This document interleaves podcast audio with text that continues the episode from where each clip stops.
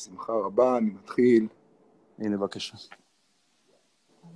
טוב, שואל מעליכם, ברוכים הבאים והנמצאים.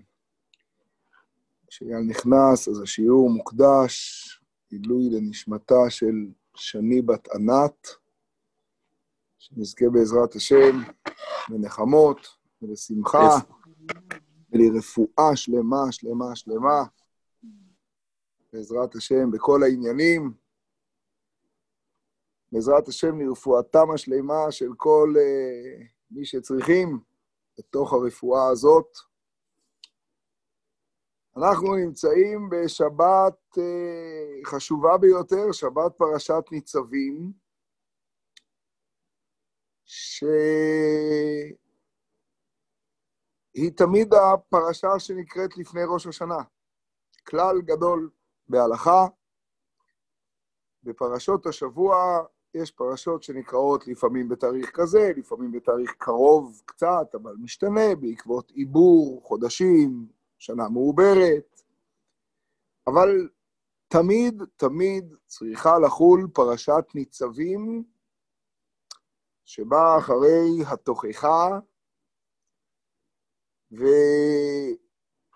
ומתארת את הברית הנצחית שלנו ושל הקדוש ברוך הוא, אתם ניצבים היום כולכם, כפי שרבותינו דרשו תמיד, היום זה תמיד קודם כל מבטא את ראש השנה, ודאי שאתם ניצבים היום של משה רבינו, זה יום אחר בשנה, אבל היום דא יומא רבא. אבל האמת שכשמתבוננים טוב בפרשת ניצבים, לא רק הברית הגדולה שבה אנחנו באים חיים כולנו היום, שהיא הפתיחה לראש השנה, אלא גם כל החצי השני. מיד בפרק ל', אחרי שעוסקים בחלק הראשון של הפרשה של הברית, אתם ניצבים, מתחילה פרשה שעוסקת בעצם בשני עניינים. החצי הראשון, תשובה. זאת פרשת התשובה של התורה, פעם ראשונה.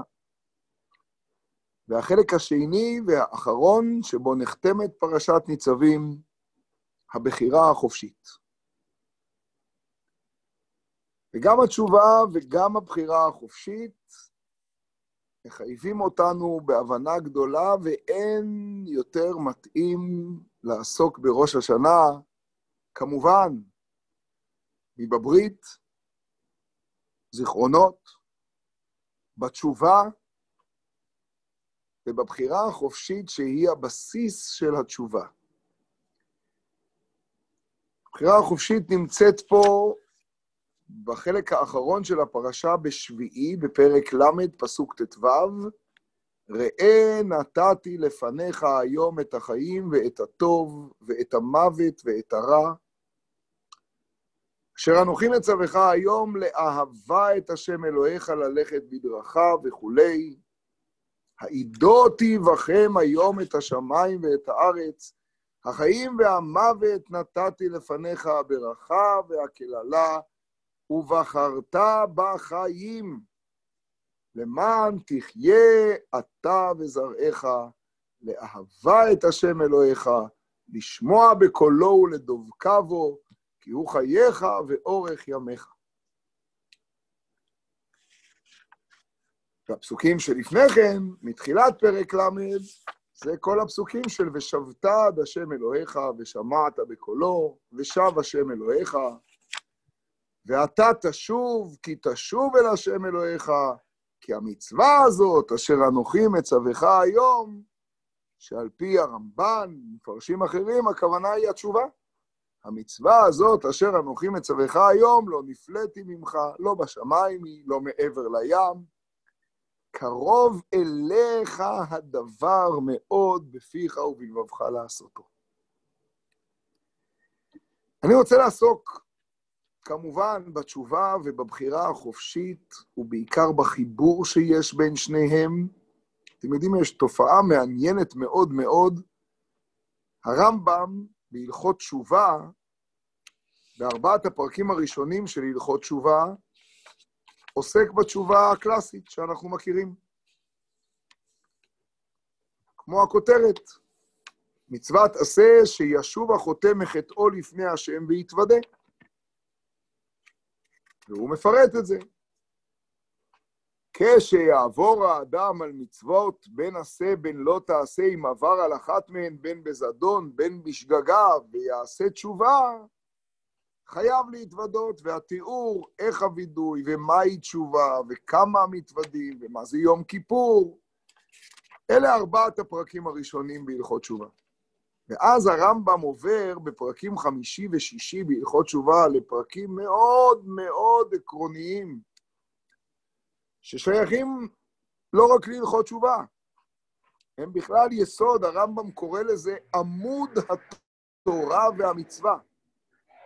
וכך הוא כותב, רשות לכל אדם נתונה אם רצה להטות עצמו לדרך טובה ולהיות צדיק, הרשות בידו. ואם רצה להטות עצמו לדרך רעה ולהיות רשע, הרשות בידו. הוא מפנה לא רק אל הפסוקים האלה של ראה נתתי לפניך את החיים ואת הטוב ולא עלינו ואת המוות ואת הרע ובחרת, עוד רגע הוא מפנה לזה, הוא טוען הרמב"ם שזה כבר בעצם הבריאה נקבע. תשמעו איך הוא מסביר את זה, פלא פלאות. הוא שכתוב בתורה זה שיש לכל אדם בחירה חופשית, והרמב"ם לוקח את זה מאוד קיצוני, אני עוד מעט אדבר על זה. הוא שכתוב בתורה, הן האדם היה כאחד ממנו לדעת טוב ורע. זוכרים בפרשת בראשית?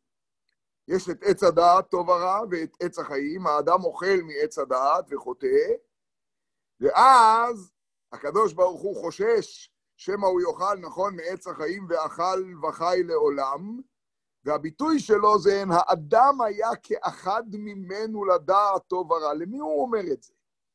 מי זה ה...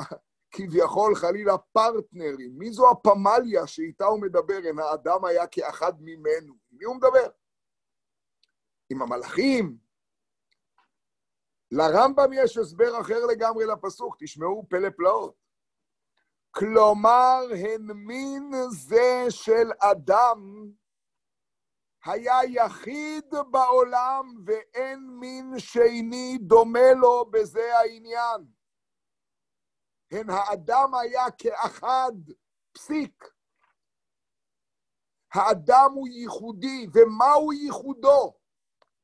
שממנו, לא אין האדם היה כאחד ממנו דבר השם אל אנשים. אלא האדם דבר השם אל עצמו, הן האדם היה כאחד, ממנו לדעת טוב ורע. הוא מסביר את המושג, אין דומה לו בזה העניין, שהוא מעצמו בדעתו ובמחשבתו יודע הטוב והרע, ועושה כל מה שהוא חפץ, ואין מי שיעכב בידו מלעשות הטוב או הרע. הן האדם היה כאחד ממנו, ולכן אם ישלח ידו אל עץ החיים, הוא מה שיכול האדם לעשות אם הוא יבחר ברע. אוי, כמה אנחנו יודעים מה יכול האדם לעשות בבחירה החופשית שלו, ותקשיבו מה אומר בורא העולם, אין מי שיעכב בעדו, כלומר, אין מי שיעכב בעדו, כלומר, גם לא אני. אין מי שיעכב בעדו. והרמב"ם שואל מיד אחר כך בהמשך, איך יכול להיות שהקדוש ברוך הוא בורא דבר שיעשה משהו שהוא בניגוד לרצונו? הרי אם הוא ברא את האדם עם בחירה חופשית שלא לעשות את רצונו של הקדוש ברוך הוא, אז מה רצונו? ותשובת הרמב"ם היא מדהימה. הכל כחפצו. וכשם שהיוצר חפץ להיות האש והרוח עולים למעלה והמים והארץ יורדים למטה והגלגל סובב בעיגול, ככה חפץ להיות האדם רשותו בידו, וכל מעשיו מסורין לו, ולא יהיה לו, לא כופה ולא מושך, אלא הוא מעצמו ובדעתו שנתן לו האל עושה כל שהאדם יכול לעשות. מדהים.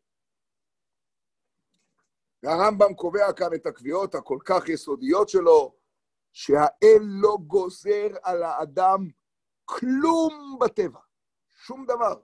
דברים קיצוניים מאוד, הרמב"ם אומר. אל יעבור במחשבתך דבר זה שאומרים טיפשי אומות העולם ורוב גולדני בני ישראל, שהקדוש ברוך הוא גוזר על האדם. הוא אומר, הנטיות של האדם להיות כך או כך, הכישרונות שלו להיות חכם או שחל, צדיק או רשע, זה עצם העבודה שלו. שום דבר לא גוזר עליו, הכל תלוי בו. ודאי שיכול להיות שיש לו מסלול קשה, בסדר? במישהו אחר, מסלול קשה במשהו אחר. אבל עצם הבחירה החופשית היא משהו שכאילו אומר הקדוש ברוך הוא, גם אני לא יכול להתערב. הרמב"ם מצטט בהמשך פסוק שקשור יותר לתשובה, אבל הוא גם קשור לבחירה החופשית. הקדוש ברוך הוא אומר במעמד הר סיני, מי ייתן והיה לבבם זה להם ליראה אותי, זוכרים את הפסוק? מי ייתן והיה לבבם זה להם ליראה אותי כל הימים. אומר הרמב"ם, מי ייתן? תן אתה, מה זה מי ייתן? מי נותן כל דבר בעולם? מי בורא? תעשה שיהיה לבבם זה להם ליראה. אומר הרמב"ם, לא, אומר הקדוש ברוך הוא, בזה בראתי כך שאני לא יכול להתערב. כמו שהאש עולה למעלה והמים יורדים למטה, האדם יש לו בחירה חופשית. הוא יכול לעשות את הרע מדעתו, או ליראה אותי כל הימים מדעתו.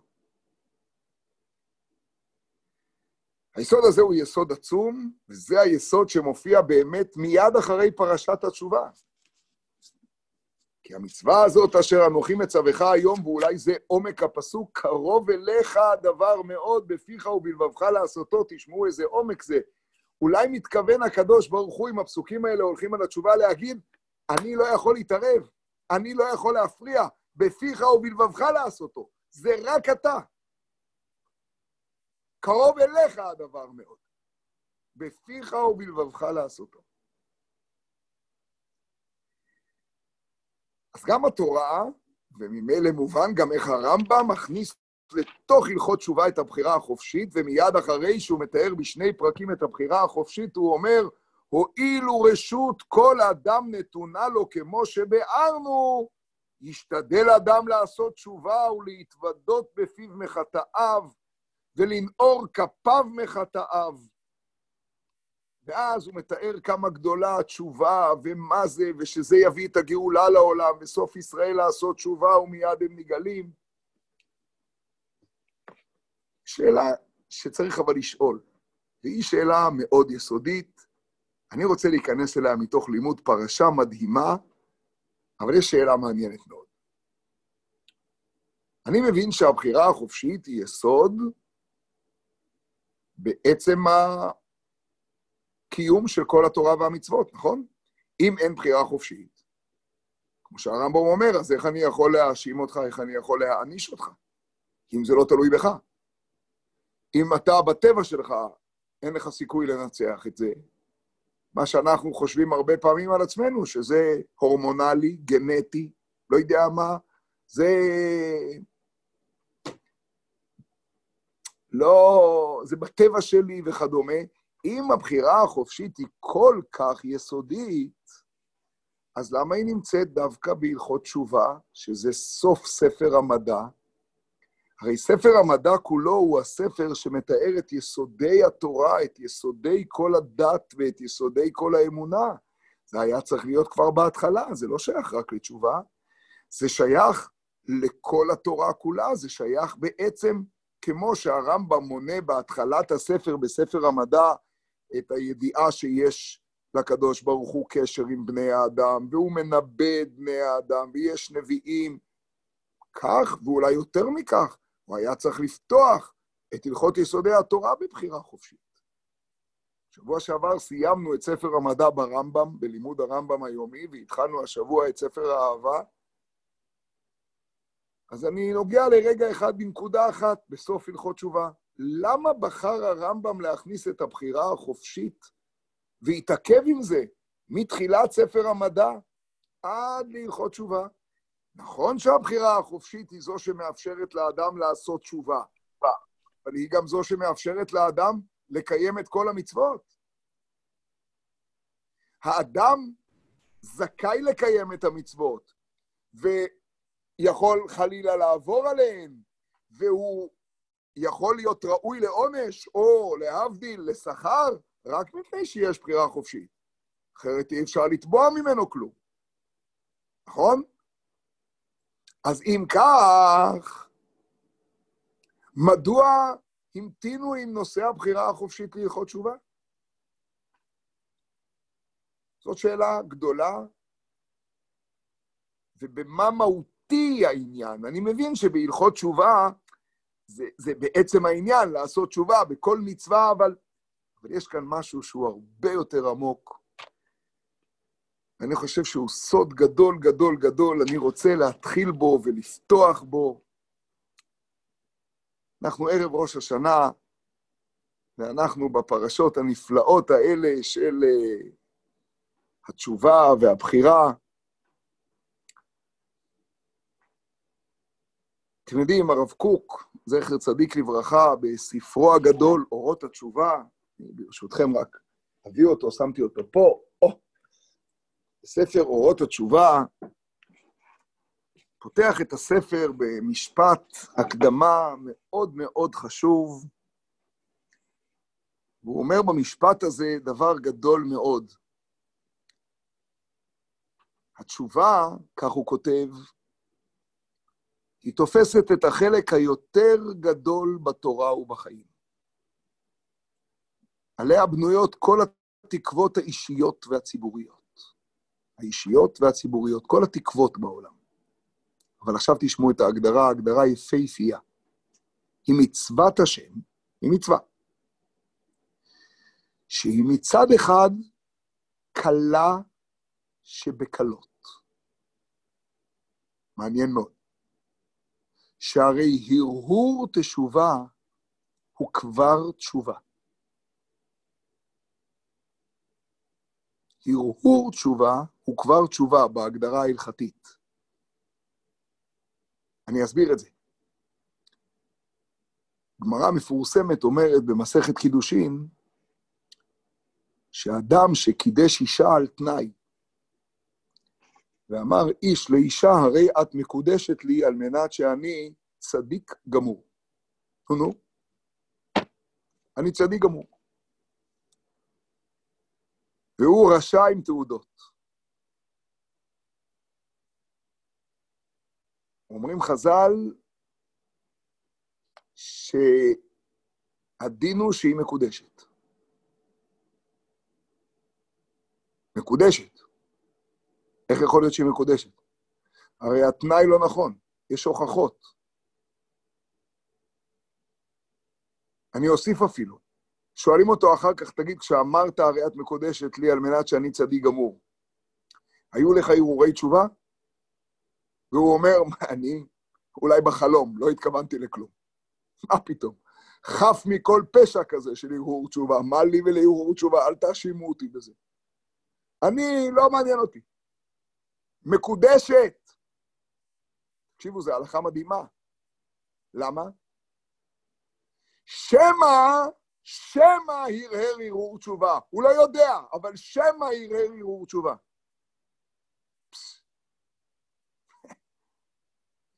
כי עצם התשובה היא כל כך פנימית, כל כך קיומית באישיות של האדם, שמא יראה הרהור תשובה. הוא רוצה לשוב, הוא רוצה לשוב לאלוקות. שמא יראה הרהור תשובה.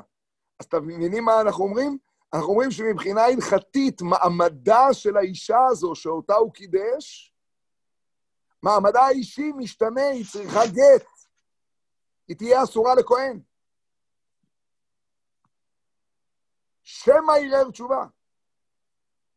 אגב, הפלא יהיה יותר גדול אם הוא אומר, כן, הרהרתי, אבל מעולם לא התכוונתי ברצינות ולא... אבל תגיד, בוודאי שהרהרת, הוא יגיד, ודאי שהרהרתי הרהור תשובה. אז תחזיקו טוב. אז יצא שהיא ודאי מקודשת. כי הרהור תשובה הוא כבר תשובה. פלא. אז לכן זו מצווה שהיא קלה שבקלות. כי בשום מצווה אני לא אומר שהרהור הוא כבר מעשה. הרהרתי להניח תפילין. נו, אז זה נחשב שהנחתי תפילין? שטויות. הרהרתי על שמירת שבת. נו, בלבול מוח. זה לא עוזר לאף אחד. ומן הצד השני, אומר הרב קוק את הקדמתו, הרי היא המצווה הקשה שבקשות, שלא יצאה עדיין אל הפועל במלואה, בעולם ובחיים. אף אחד עוד לא הגיע לסיומה. היא עוד לא יצאה אל הפועל, היא עוד לא התממשה. אתם יודעים מה זה תשובה? תשובה זה שאני משיב את הכל, את הכל אליו יתברך. זה עוד לא התממש. אז מצד אחד היא קלה שבקלות, מצד אחד היא קשה שבקשות. הפסקה הזאת שהרהור תשובה הוא כבר תשובה, צריך להתייחס אליה ברצינות רבה מאוד. הרב קוק עצמו, בהמשך אורות התשובה בפרק ז', אומר דבר מדהים. אני קורא כמה שורות. צריכים להעמיק מאוד, תשמעו את המילים, באמונת התשובה. להעמיק באמונה בתשובה. להאמין בתשובה. ולהיות בטוח שבהרהור תשובה לבד מתקנים הרבה את עצמו ואת העולם. אל תזלזל בהרהור תשובה שלך. אתה מייסר את עצמך שלא הצלחת, שבמבחן התוצאה נכשלת. האם אתה שמח גם בהרהור תשובה, ויודע שאתה מתקן בזה הרבה את עצמך ואת העולם. האם אני יודע לשדר את זה לזולתי? הרהור תשובה, להאמין באמת בתשובה. תשמעו את המילים, להעמיק מאוד באמונת התשובה, זה קשה מאוד מאוד. בעיקר קשה להאמין למישהו אחר שאני לא מאמין בו, שהרהור תשובה שלו הוא כבר תשובה. ומוכרח הדבר, תשמעו, טוב, הרהור תשובה, הרהור תשובה, אבל תשמעו את הרב קוק, זה לא ייאמן. ומוכרח הדבר שאחר כל הרהור תשובה, יהיה יותר שמח ומרוצה בנפשו ממה שהיה בתחילה. עוד לפני שהערעור הזה הפך להיות למשהו ממשי. קל וחומר, כשכבר בא הערעור לידי הסכמה של תשובה. זה קל וחומר. אבל עצם הערעור כבר צריך להביא אותך לשמחה. ומה שעוד לא הצליח לתקן, מסיים שם הרב קוק, אל ייפול ליבו עליו על החלקים שלא סיפקה ידו לתקנם. כי אם יחזיק במעוז התורה ועבודת השם בכל לב, בשמחה, ביראה ובאהבה. להעמיק מאוד באמונת התשובה, פירושו להעמיק באמונה שהרהור תשובה הוא מתקן הרבה הרבה את עצמו ואת העולם. בעולם כמו שלנו, שבו כל דבר נבחן במבחן התוצאה, תכלס, קשה מאוד להעריך הרהור תשובה.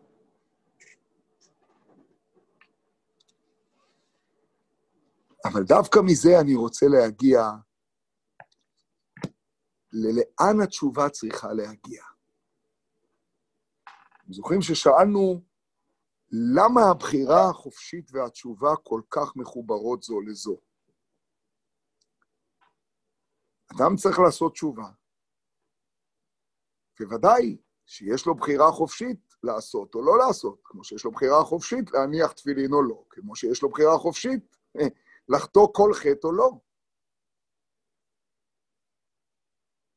אני רוצה ללמוד את זה ביחד, ברשותכם, מפרשייה נפלאה שכולם בטח זוכרים אותה.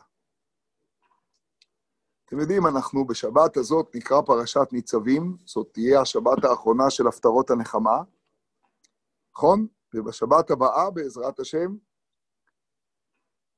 אנחנו נקרא מיד אחרי ראש השנה ברצות השם יתברך, את הפטרת פרשת שובה. שובה ישראל עד השם אלוהיך, כי חשלת בעווניך. את ההפטרה הזאת אנחנו לוקחים מספר הושע, והושע זכה שהנבואה שלו תהיה הנבואה שמרכזת את ענייני התשובה עד לשיא.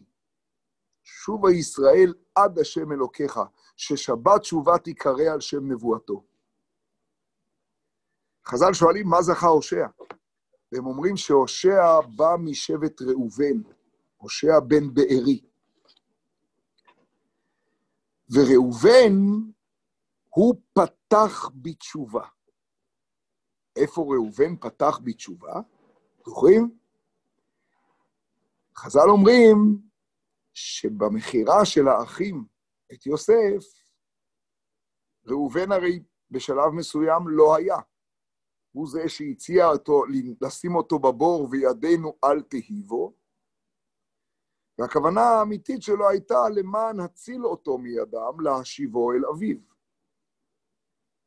הוא יצא, וכשהוא חזר, הוא ראה שאין יוסף בבור, והנה אין יוסף בבור. הוא קורע את בגדיו ואומר, הילד איננו ואני אנה עניבה. הביטוי בפסוק שם הוא וישוב ראובן אל הבור, וישוב. חז"ל אומרים, מה זה וישוב? אמר לו הקדוש ברוך הוא, מעולם לא חטא אדם לפניי ועשה תשובה. ואתה פתחת בתשובה תחילה.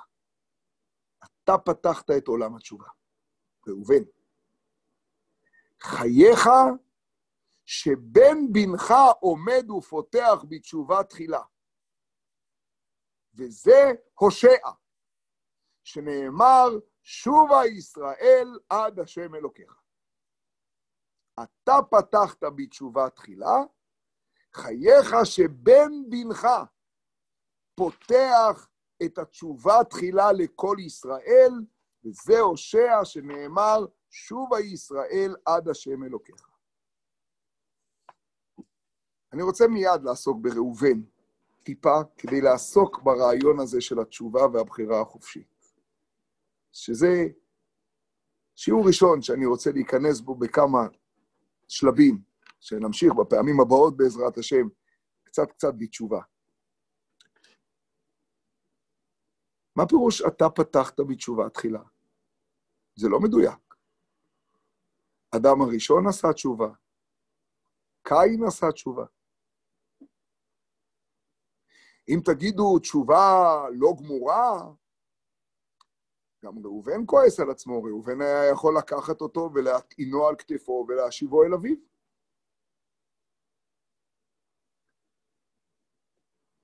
אז מה פירוש מעולם לא חטא אדם ועשה תשובה?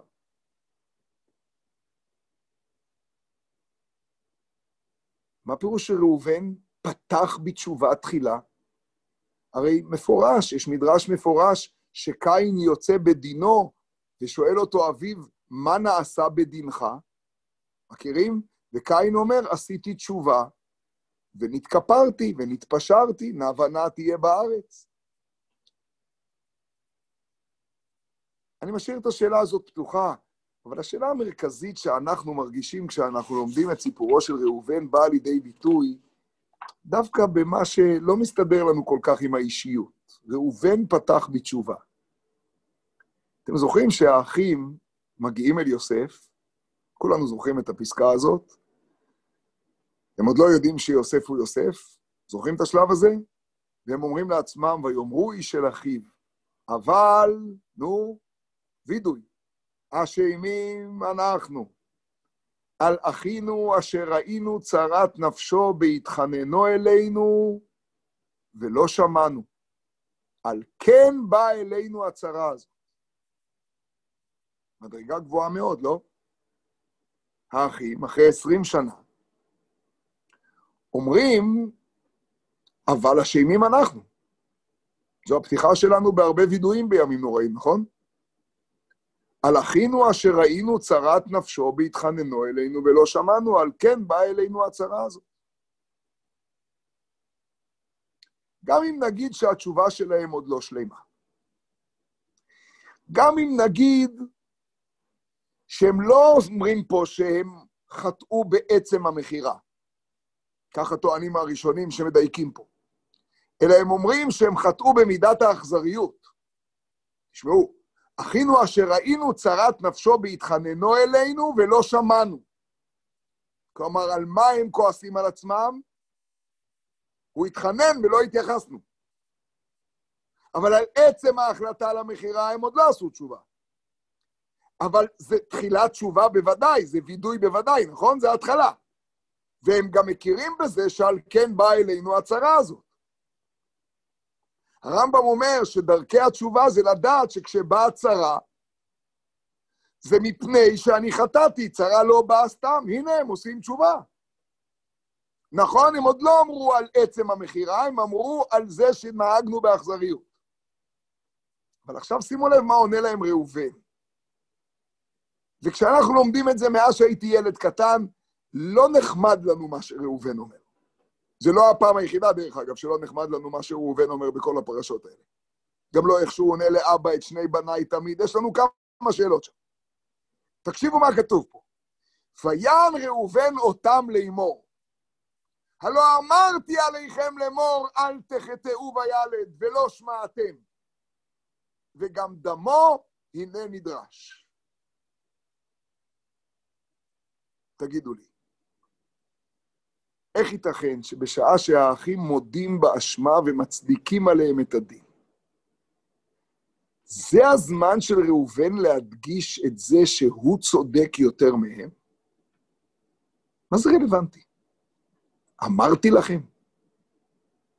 ומה אמרתי לכם?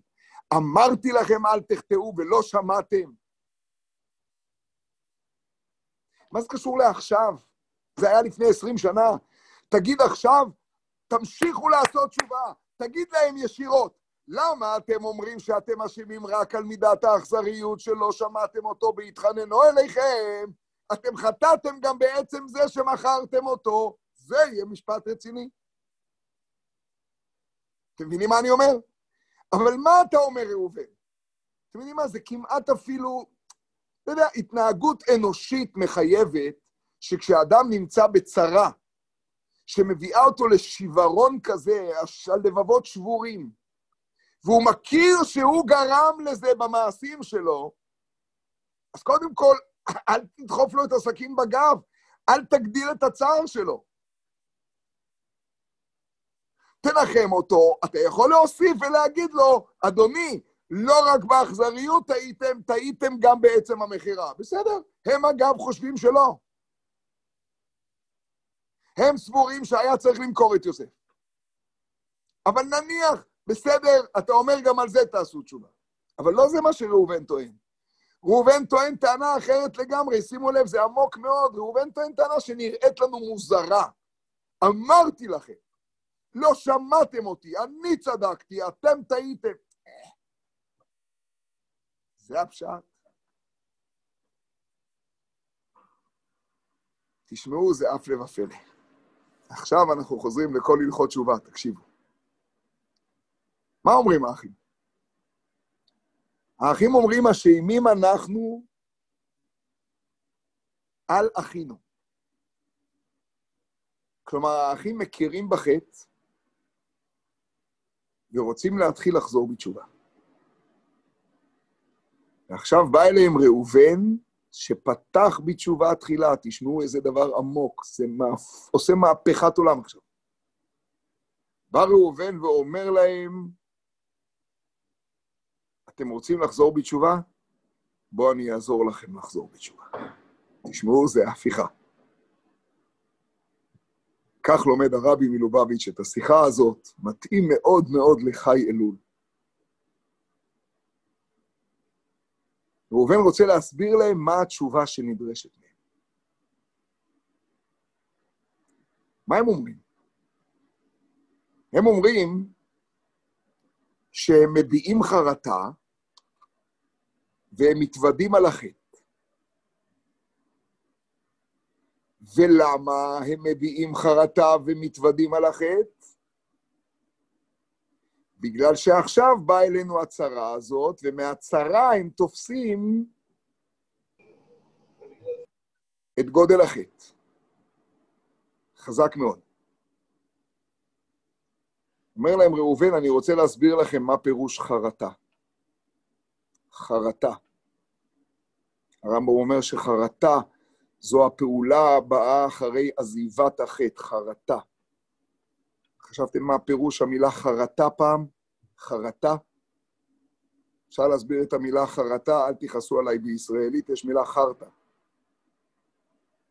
חרטה במובן של כולם, כן, חרטה. אתם יודעים מה שורש המילה חרטה?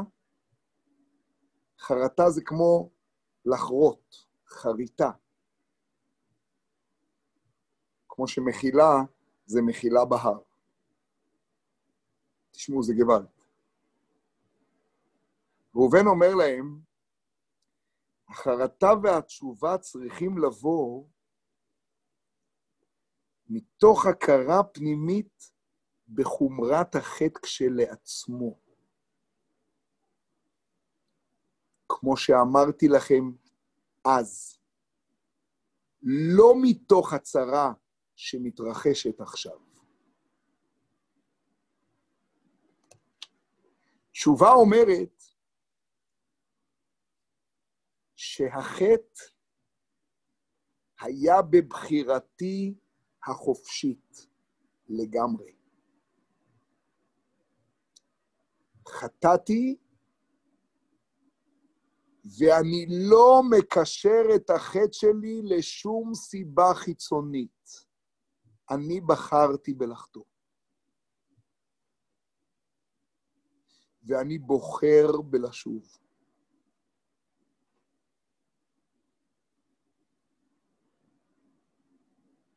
כלומר, אני שב אל השם מבחירה חופשית. לא אני שב אל השם בגלל שהתרחשה צרה. שם אומר ראובן, כשהיינו על שפת הבור,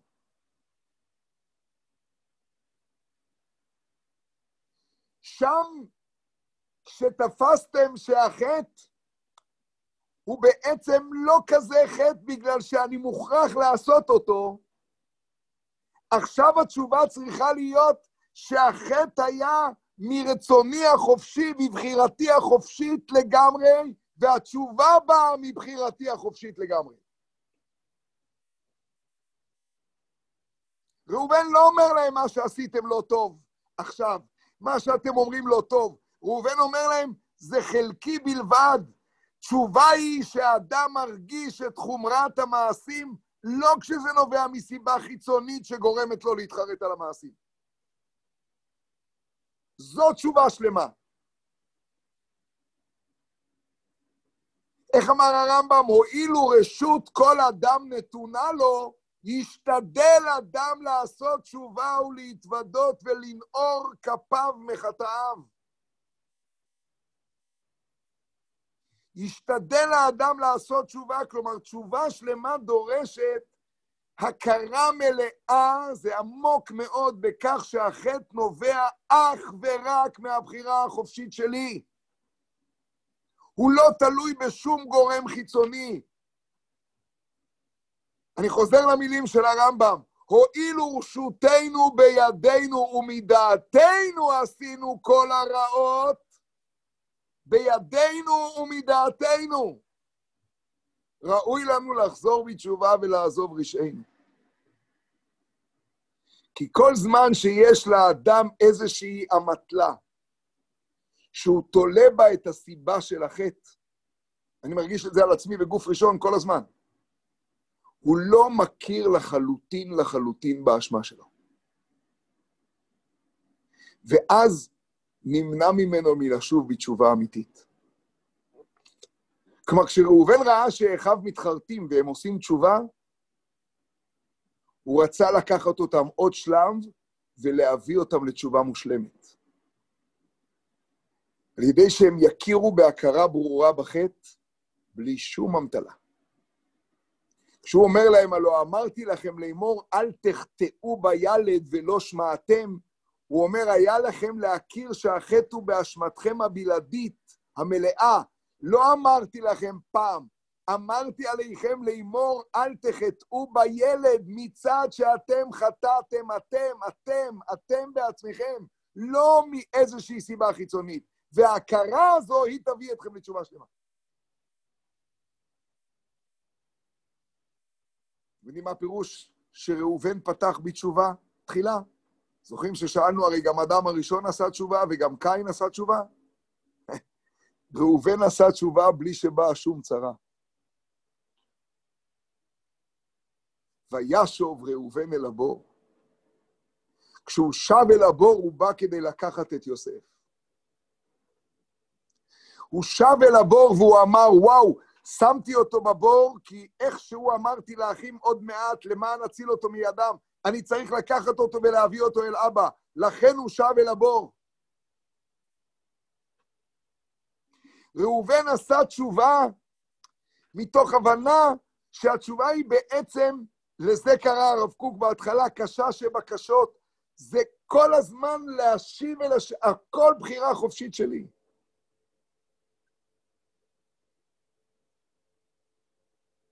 חי אלול היום, יום ההולדת של האדמו"ר הזקן, של הבעל שם טוב, האדמו"ר הזקן אומר שהשורש של הבחירה החופשית זה דבר אדיר. זה מה שהרמב"ם הסביר, אין האדם היה כאחד ממנו. רק הוא אומר שזה לא כאחד ממנו, הוא מיוחד מכולם. האדם הוא כמו הקדוש ברוך הוא. תקשיבו איך מסביר האדמו"ר הזקן את הפסוק. כמו ששלטונו של הקדוש ברוך הוא בעולם הוא מוחלט, ואין מי שמעכב, יכול, יכול לעכב אותו, כך הבחירה החופשית של האדם היא מוחלטת, ואין מי שיכול לעכב בעדו. הבחירה החופשית מבטאת בעצם את האלוקות של האדם. ואי ההכרה בבחירה החופשית היא בעצם פספוס של הכל. הכוח הזה של הבחירה המוחלטת, בלי שום תלות בנסיבות החיצוניות, זה הבחירה החופשית, וזה עומק התשובה. כי מה זאת עבודת התשובה? עבודת התשובה זה שאני, שאני נמצא הכי מרוחק מהשם. אמש היה זה שנוי ומשוקץ. ויש לי מיליון סיבות להתעכב. מוצא בנפש את היכולת להתגבר על הכל ולהגיד, זה תלוי רק בי. זה עומק הקשר בין הבחירה החופשית לתשובה.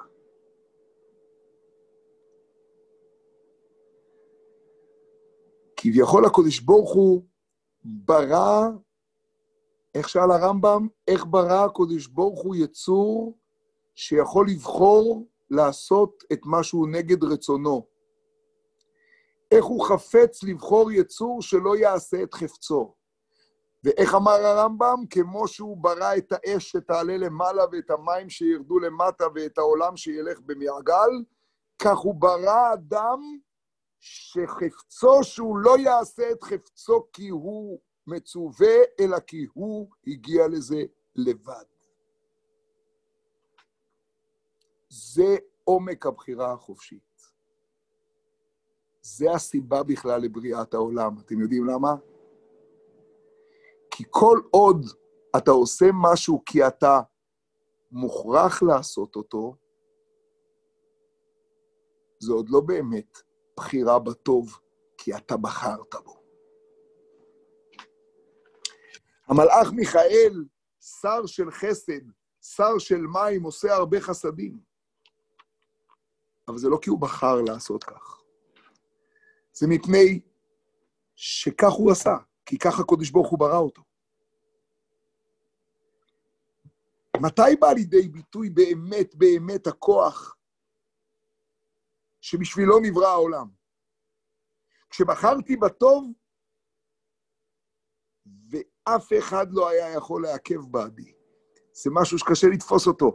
כביכול הקדוש ברוך הוא לא יכול לעכב בעדי. הקדוש ברוך הוא ברא אדם שחפצו שהוא יעשה כחפצו, ולכן הוא לא מתערב. היי, הרמב"ם שואל אחרי זה, אז איך זה הידיעה והבחירה, הכל צפוי והרשות נתונה, והרמב"ם עונה את מה שהוא עונה. אתה אדוני אלוהינו מלך העולם, שהכל נהיה בדברו. אבל עצם, הש... עצם העניין זה דבר אדיר.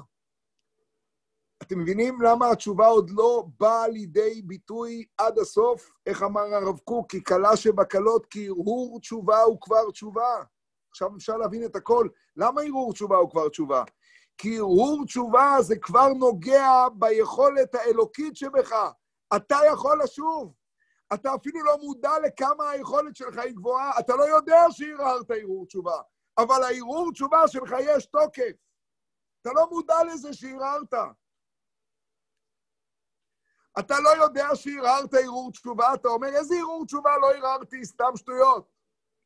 אבל האישה שקידשת על מנת שאתה צדיק גמור, ספק מקודשת.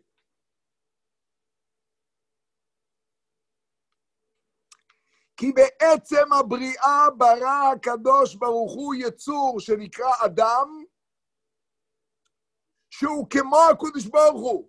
יש לו יכולת לבחור בחירה חופשית כמו שהקדוש ברוך הוא, אף אחד לא יכול לעכב אותו, ויש לו יכולת לשוב בתשובה, והיא מופנמת בתוכו. אבל התשובה הזו תצא לפועל במלואה בעולם ובחיים, כשהיא תבוא לגמרי, לגמרי, לגמרי מהבחירה החופשית של האדם. לא משום סיבה חיצונית. מתי זה יקרה? כשהוא יכיר בזה שגם החטא היה בבחירתו החופשית המלאה. כשהוא לא יתלה בשום דבר חיצוני, כשהוא ייקח אליו את הכל.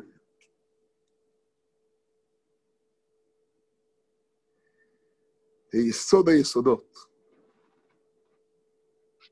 אתם ניצבים היום כולכם לפני השם אלוקיכם. פתחנו את השיעור בזה שהפרשה מחולקת לברית ואחרי זה לתשובה ולבחירה. אבל בעומק זה הכל עניין אחד. כבר הבטיחה התורה, אומר הרמב"ם, שסוף ישראל לעשות תשובה ומיד הם נגלים. הרבי מלובביץ' שואל, כבר הבטיחה תורה שסוף ישראל לעשות תשובה, זה דברי חז"ל יפים מאוד, אבל מה זה עושה בהלכות תשובה? זה הרי לא הלכה, זה ברכות, זה הבטחות. זה מצוין, אבל אנחנו בספר הלכות, מה ההלכה בזה? והרבי מלובביץ' אומר דבר מדהים. כשאתה מסתכל במראה, או לא פחות גרוע, היה יותר גרוע, כשאתה מסתכל בזכוכית ורואה אותי, ואני אותך, ואתה אומר, כן, כן, בטח, תשובה זה דבר גדול, אבל הוא, אני יודע איפה הוא נמצא, אין סיכוי. עזוב, חבל על הזמן. אז אתה יודע מה אתה עושה? כתוב שסוף ישראל לעשות תשובה ומיד הם נגלים, נכון? אז אתה יודע למה אנחנו לא נגלים? כי אתה לא מאמין שאני יכול לעשות תשובה.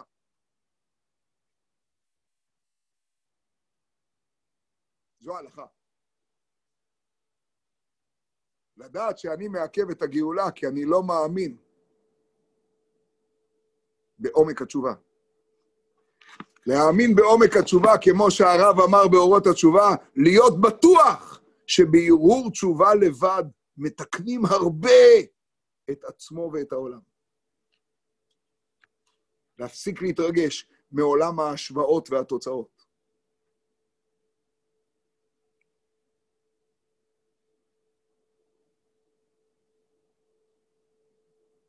איך מתחילות שתי המילים מיד אחרי פרשת ניצבים? וילך משה. שמתם לב פעם, וילך משה לא כתוב מאין הוא הלך, לא כתוב לאן הוא הלך, וילך משה.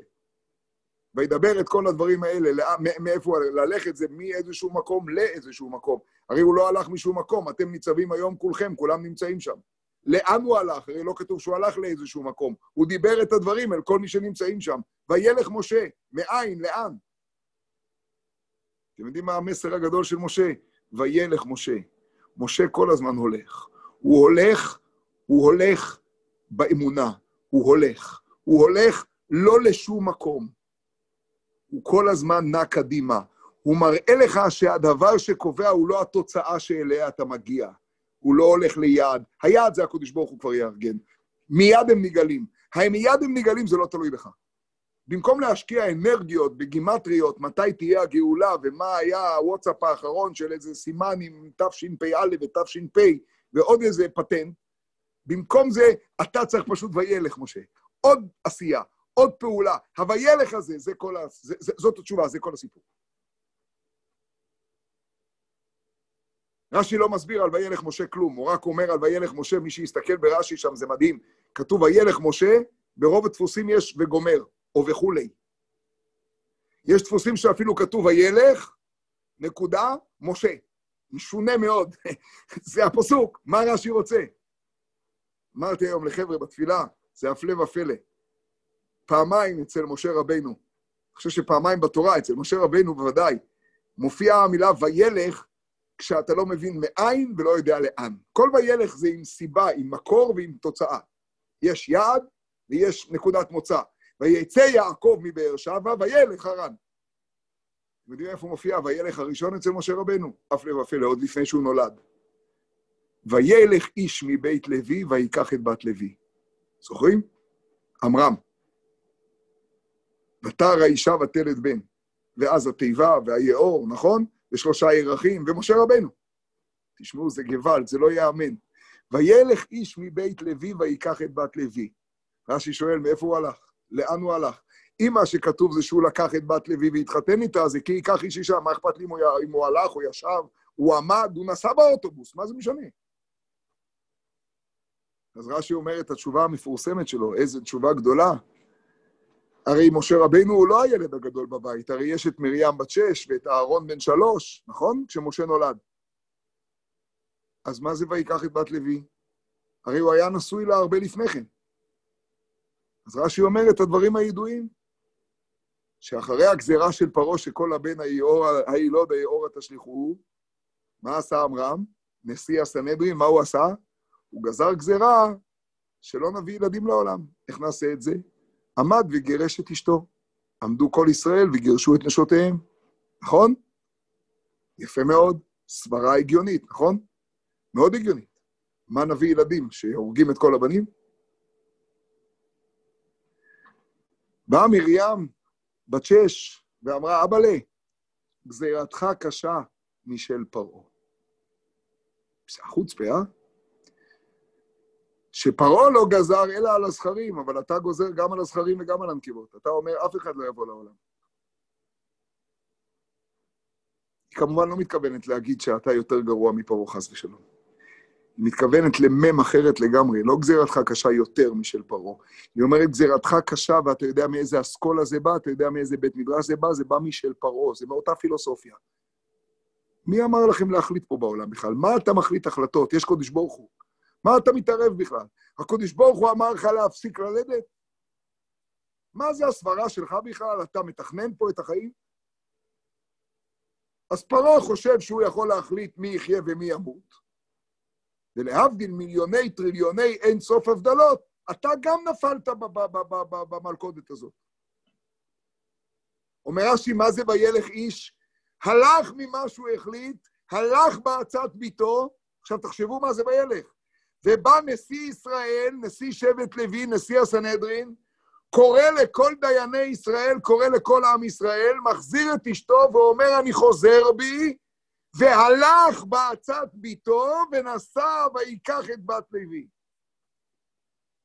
חשבתי לעצמי, מאמונה כזאת, מעוצמה כזאת, מביטול כזה לילדה בת שש, מהתבטלות כזאת של כל הסברות בעולם של גדול הדור לאמונה התמימה, הטבעית, הפשוטה של ילדה בת שש, מאמונה כזאת יכול לצאת משה רבינו. וילך איש לפי זה, אתם יודעים מה זה וילך? הוא לא הלך מאיזשהו מקום פיזי לאיזשהו מקום אחר. הוא הלך, הוא הבין שצריך להתקדם, הוא הלך מהמחשבה שלו שאין סיכוי, הוא האמין בעומק התשובה, הוא האמין בגאולה, הוא האמין שהכל יכול להשתנות. זה וילך. אתם יודעים מה זה וילך משה? וילך משה פירושו לא אוכל עוד לצאת ולבוא. מאה ועשרים שנה אנוכי היום, אבל וילך משה, חז"ל אומרים וילך משה, גם עכשיו הוא ממשיך ללכת. מה כאן עומד ומשמש, אף שם עומד ומשמש. ובעומק, בתוך כל אחד מאיתנו יש משה שהולך ומניע אותו עוד. ואומר לו שהתשובה היא מצד אחד קלה שבקלות, כי כל הליכה, גם אם אין לה תוצאה, היא כבר תשובה. ומצד שני היא קשה שבקשות, כי התשובה האמיתית תבוא מזה שאתה תכיר לגמרי, לגמרי, לגמרי, לגמרי, לגמרי, שזה שהקדוש ברוך הוא שם אותך בניסיון כל כך קשה, לא אומר שאין לך מאה אחוז בחירה חופשית. ואז תבוא לידי ביטוי התשובה האמיתית. זה יהיה ובחרת בחיים. הקדוש ברוך הוא נתן חיים לכולם, הוא נתן חיים לחיות ולצמחים ולפרחים ולמלאכים, אבל אנחנו הופכים את החיים לחיים כי אנחנו בוחרים בחיים. הם חיים כי הם נאלצים לחיות, כי הם מתוכנתים חיים. אנחנו, זה תשובה, משיבים את הכל אל הקודש ברוך הוא, ואז חיים כי אנחנו בחרנו בחיים. אני מכיר בבחירה שלי בחטא. לא מפני שבאה ההצהרה הזאת, אלא הלא אמרתי עליכם אל תחטאו בילד ולא שמעתם, בלי קשר לשום צרה. מעצם העניין, אני בוחר, ואם נפלתי זה כי אני בחרתי בזה בסופו של סיפור. אני מוריד את כל הקשיים, מוריד את כל הסיבות, מוריד את כל העטיפות, ובסוף יודע, זה אני, זה הרצון שלי, וממילא הרצון הזה שלי, שאני מאמין בו, הוא גם יכול להפוך את העולם ולהביא את התשובה לעולם. ולהביא את סוף ישראל שעושים תשובה ומיד הם נגלים.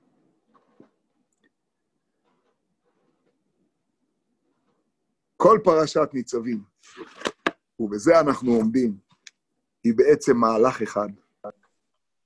הקדוש ברוך הוא קרא איתנו ברית. הברית הזאת היא ברית נצחית, היא ברית שאומרת, לי יש סבלנות. אתם עוד תגלו את הכוח של העולם לבחור בחיים. אשר ישנו פה עמנו ואשר איננו פה, גם מי שהוא עדיין שורש פורה ראש ולענה, והיה בשומעו את דברי העלה הזאת וכולי. הנסתרות להשם והנגלות לנו ולבנינו, בסוף, אחרי כל הסיבובים, אחרי כל הגלויות, ושב השם אלוקיך את שבותך. גם הקדוש ברוך הוא בגלות. לא והשיב אלא ושב, כביכול הכתיב הקדוש ברוך הוא גאולה לעצמו, גם הוא שב. כי הוא החדיר בנו את הבחירה החופשית שהוא לא יכול לעכב אותה. והוא החדיר בנו את המציאות שאנחנו יכולים לברוא את העולם, לבחור בחיים. הוא ברא אדם שיכול לא לעשות כלום כי זה חפצו שלו, אלא כאחד ממנו. יש לו כוח כמו הקודש ברוך הוא, לרצות ולבחור בעצמו. הוא מכיר את בחירתו בחטא, אחרי שהוא הסיר את כל המעטפות, הוא מכיר את הכוח שלו לבחור בחיים. זה דבר גוואלד. זאת פרשת התשובה והבחירה. נו, אז בעזרת השם יתברך, בעזרת השם, נזכה באמת, באמת, הפרשה הזאת זה השבת האחרונה לפני ראש השנה. ממש, זהו. הפעם הבאה כבר אנחנו נעסוק בשבוע שלפני ראש השנה.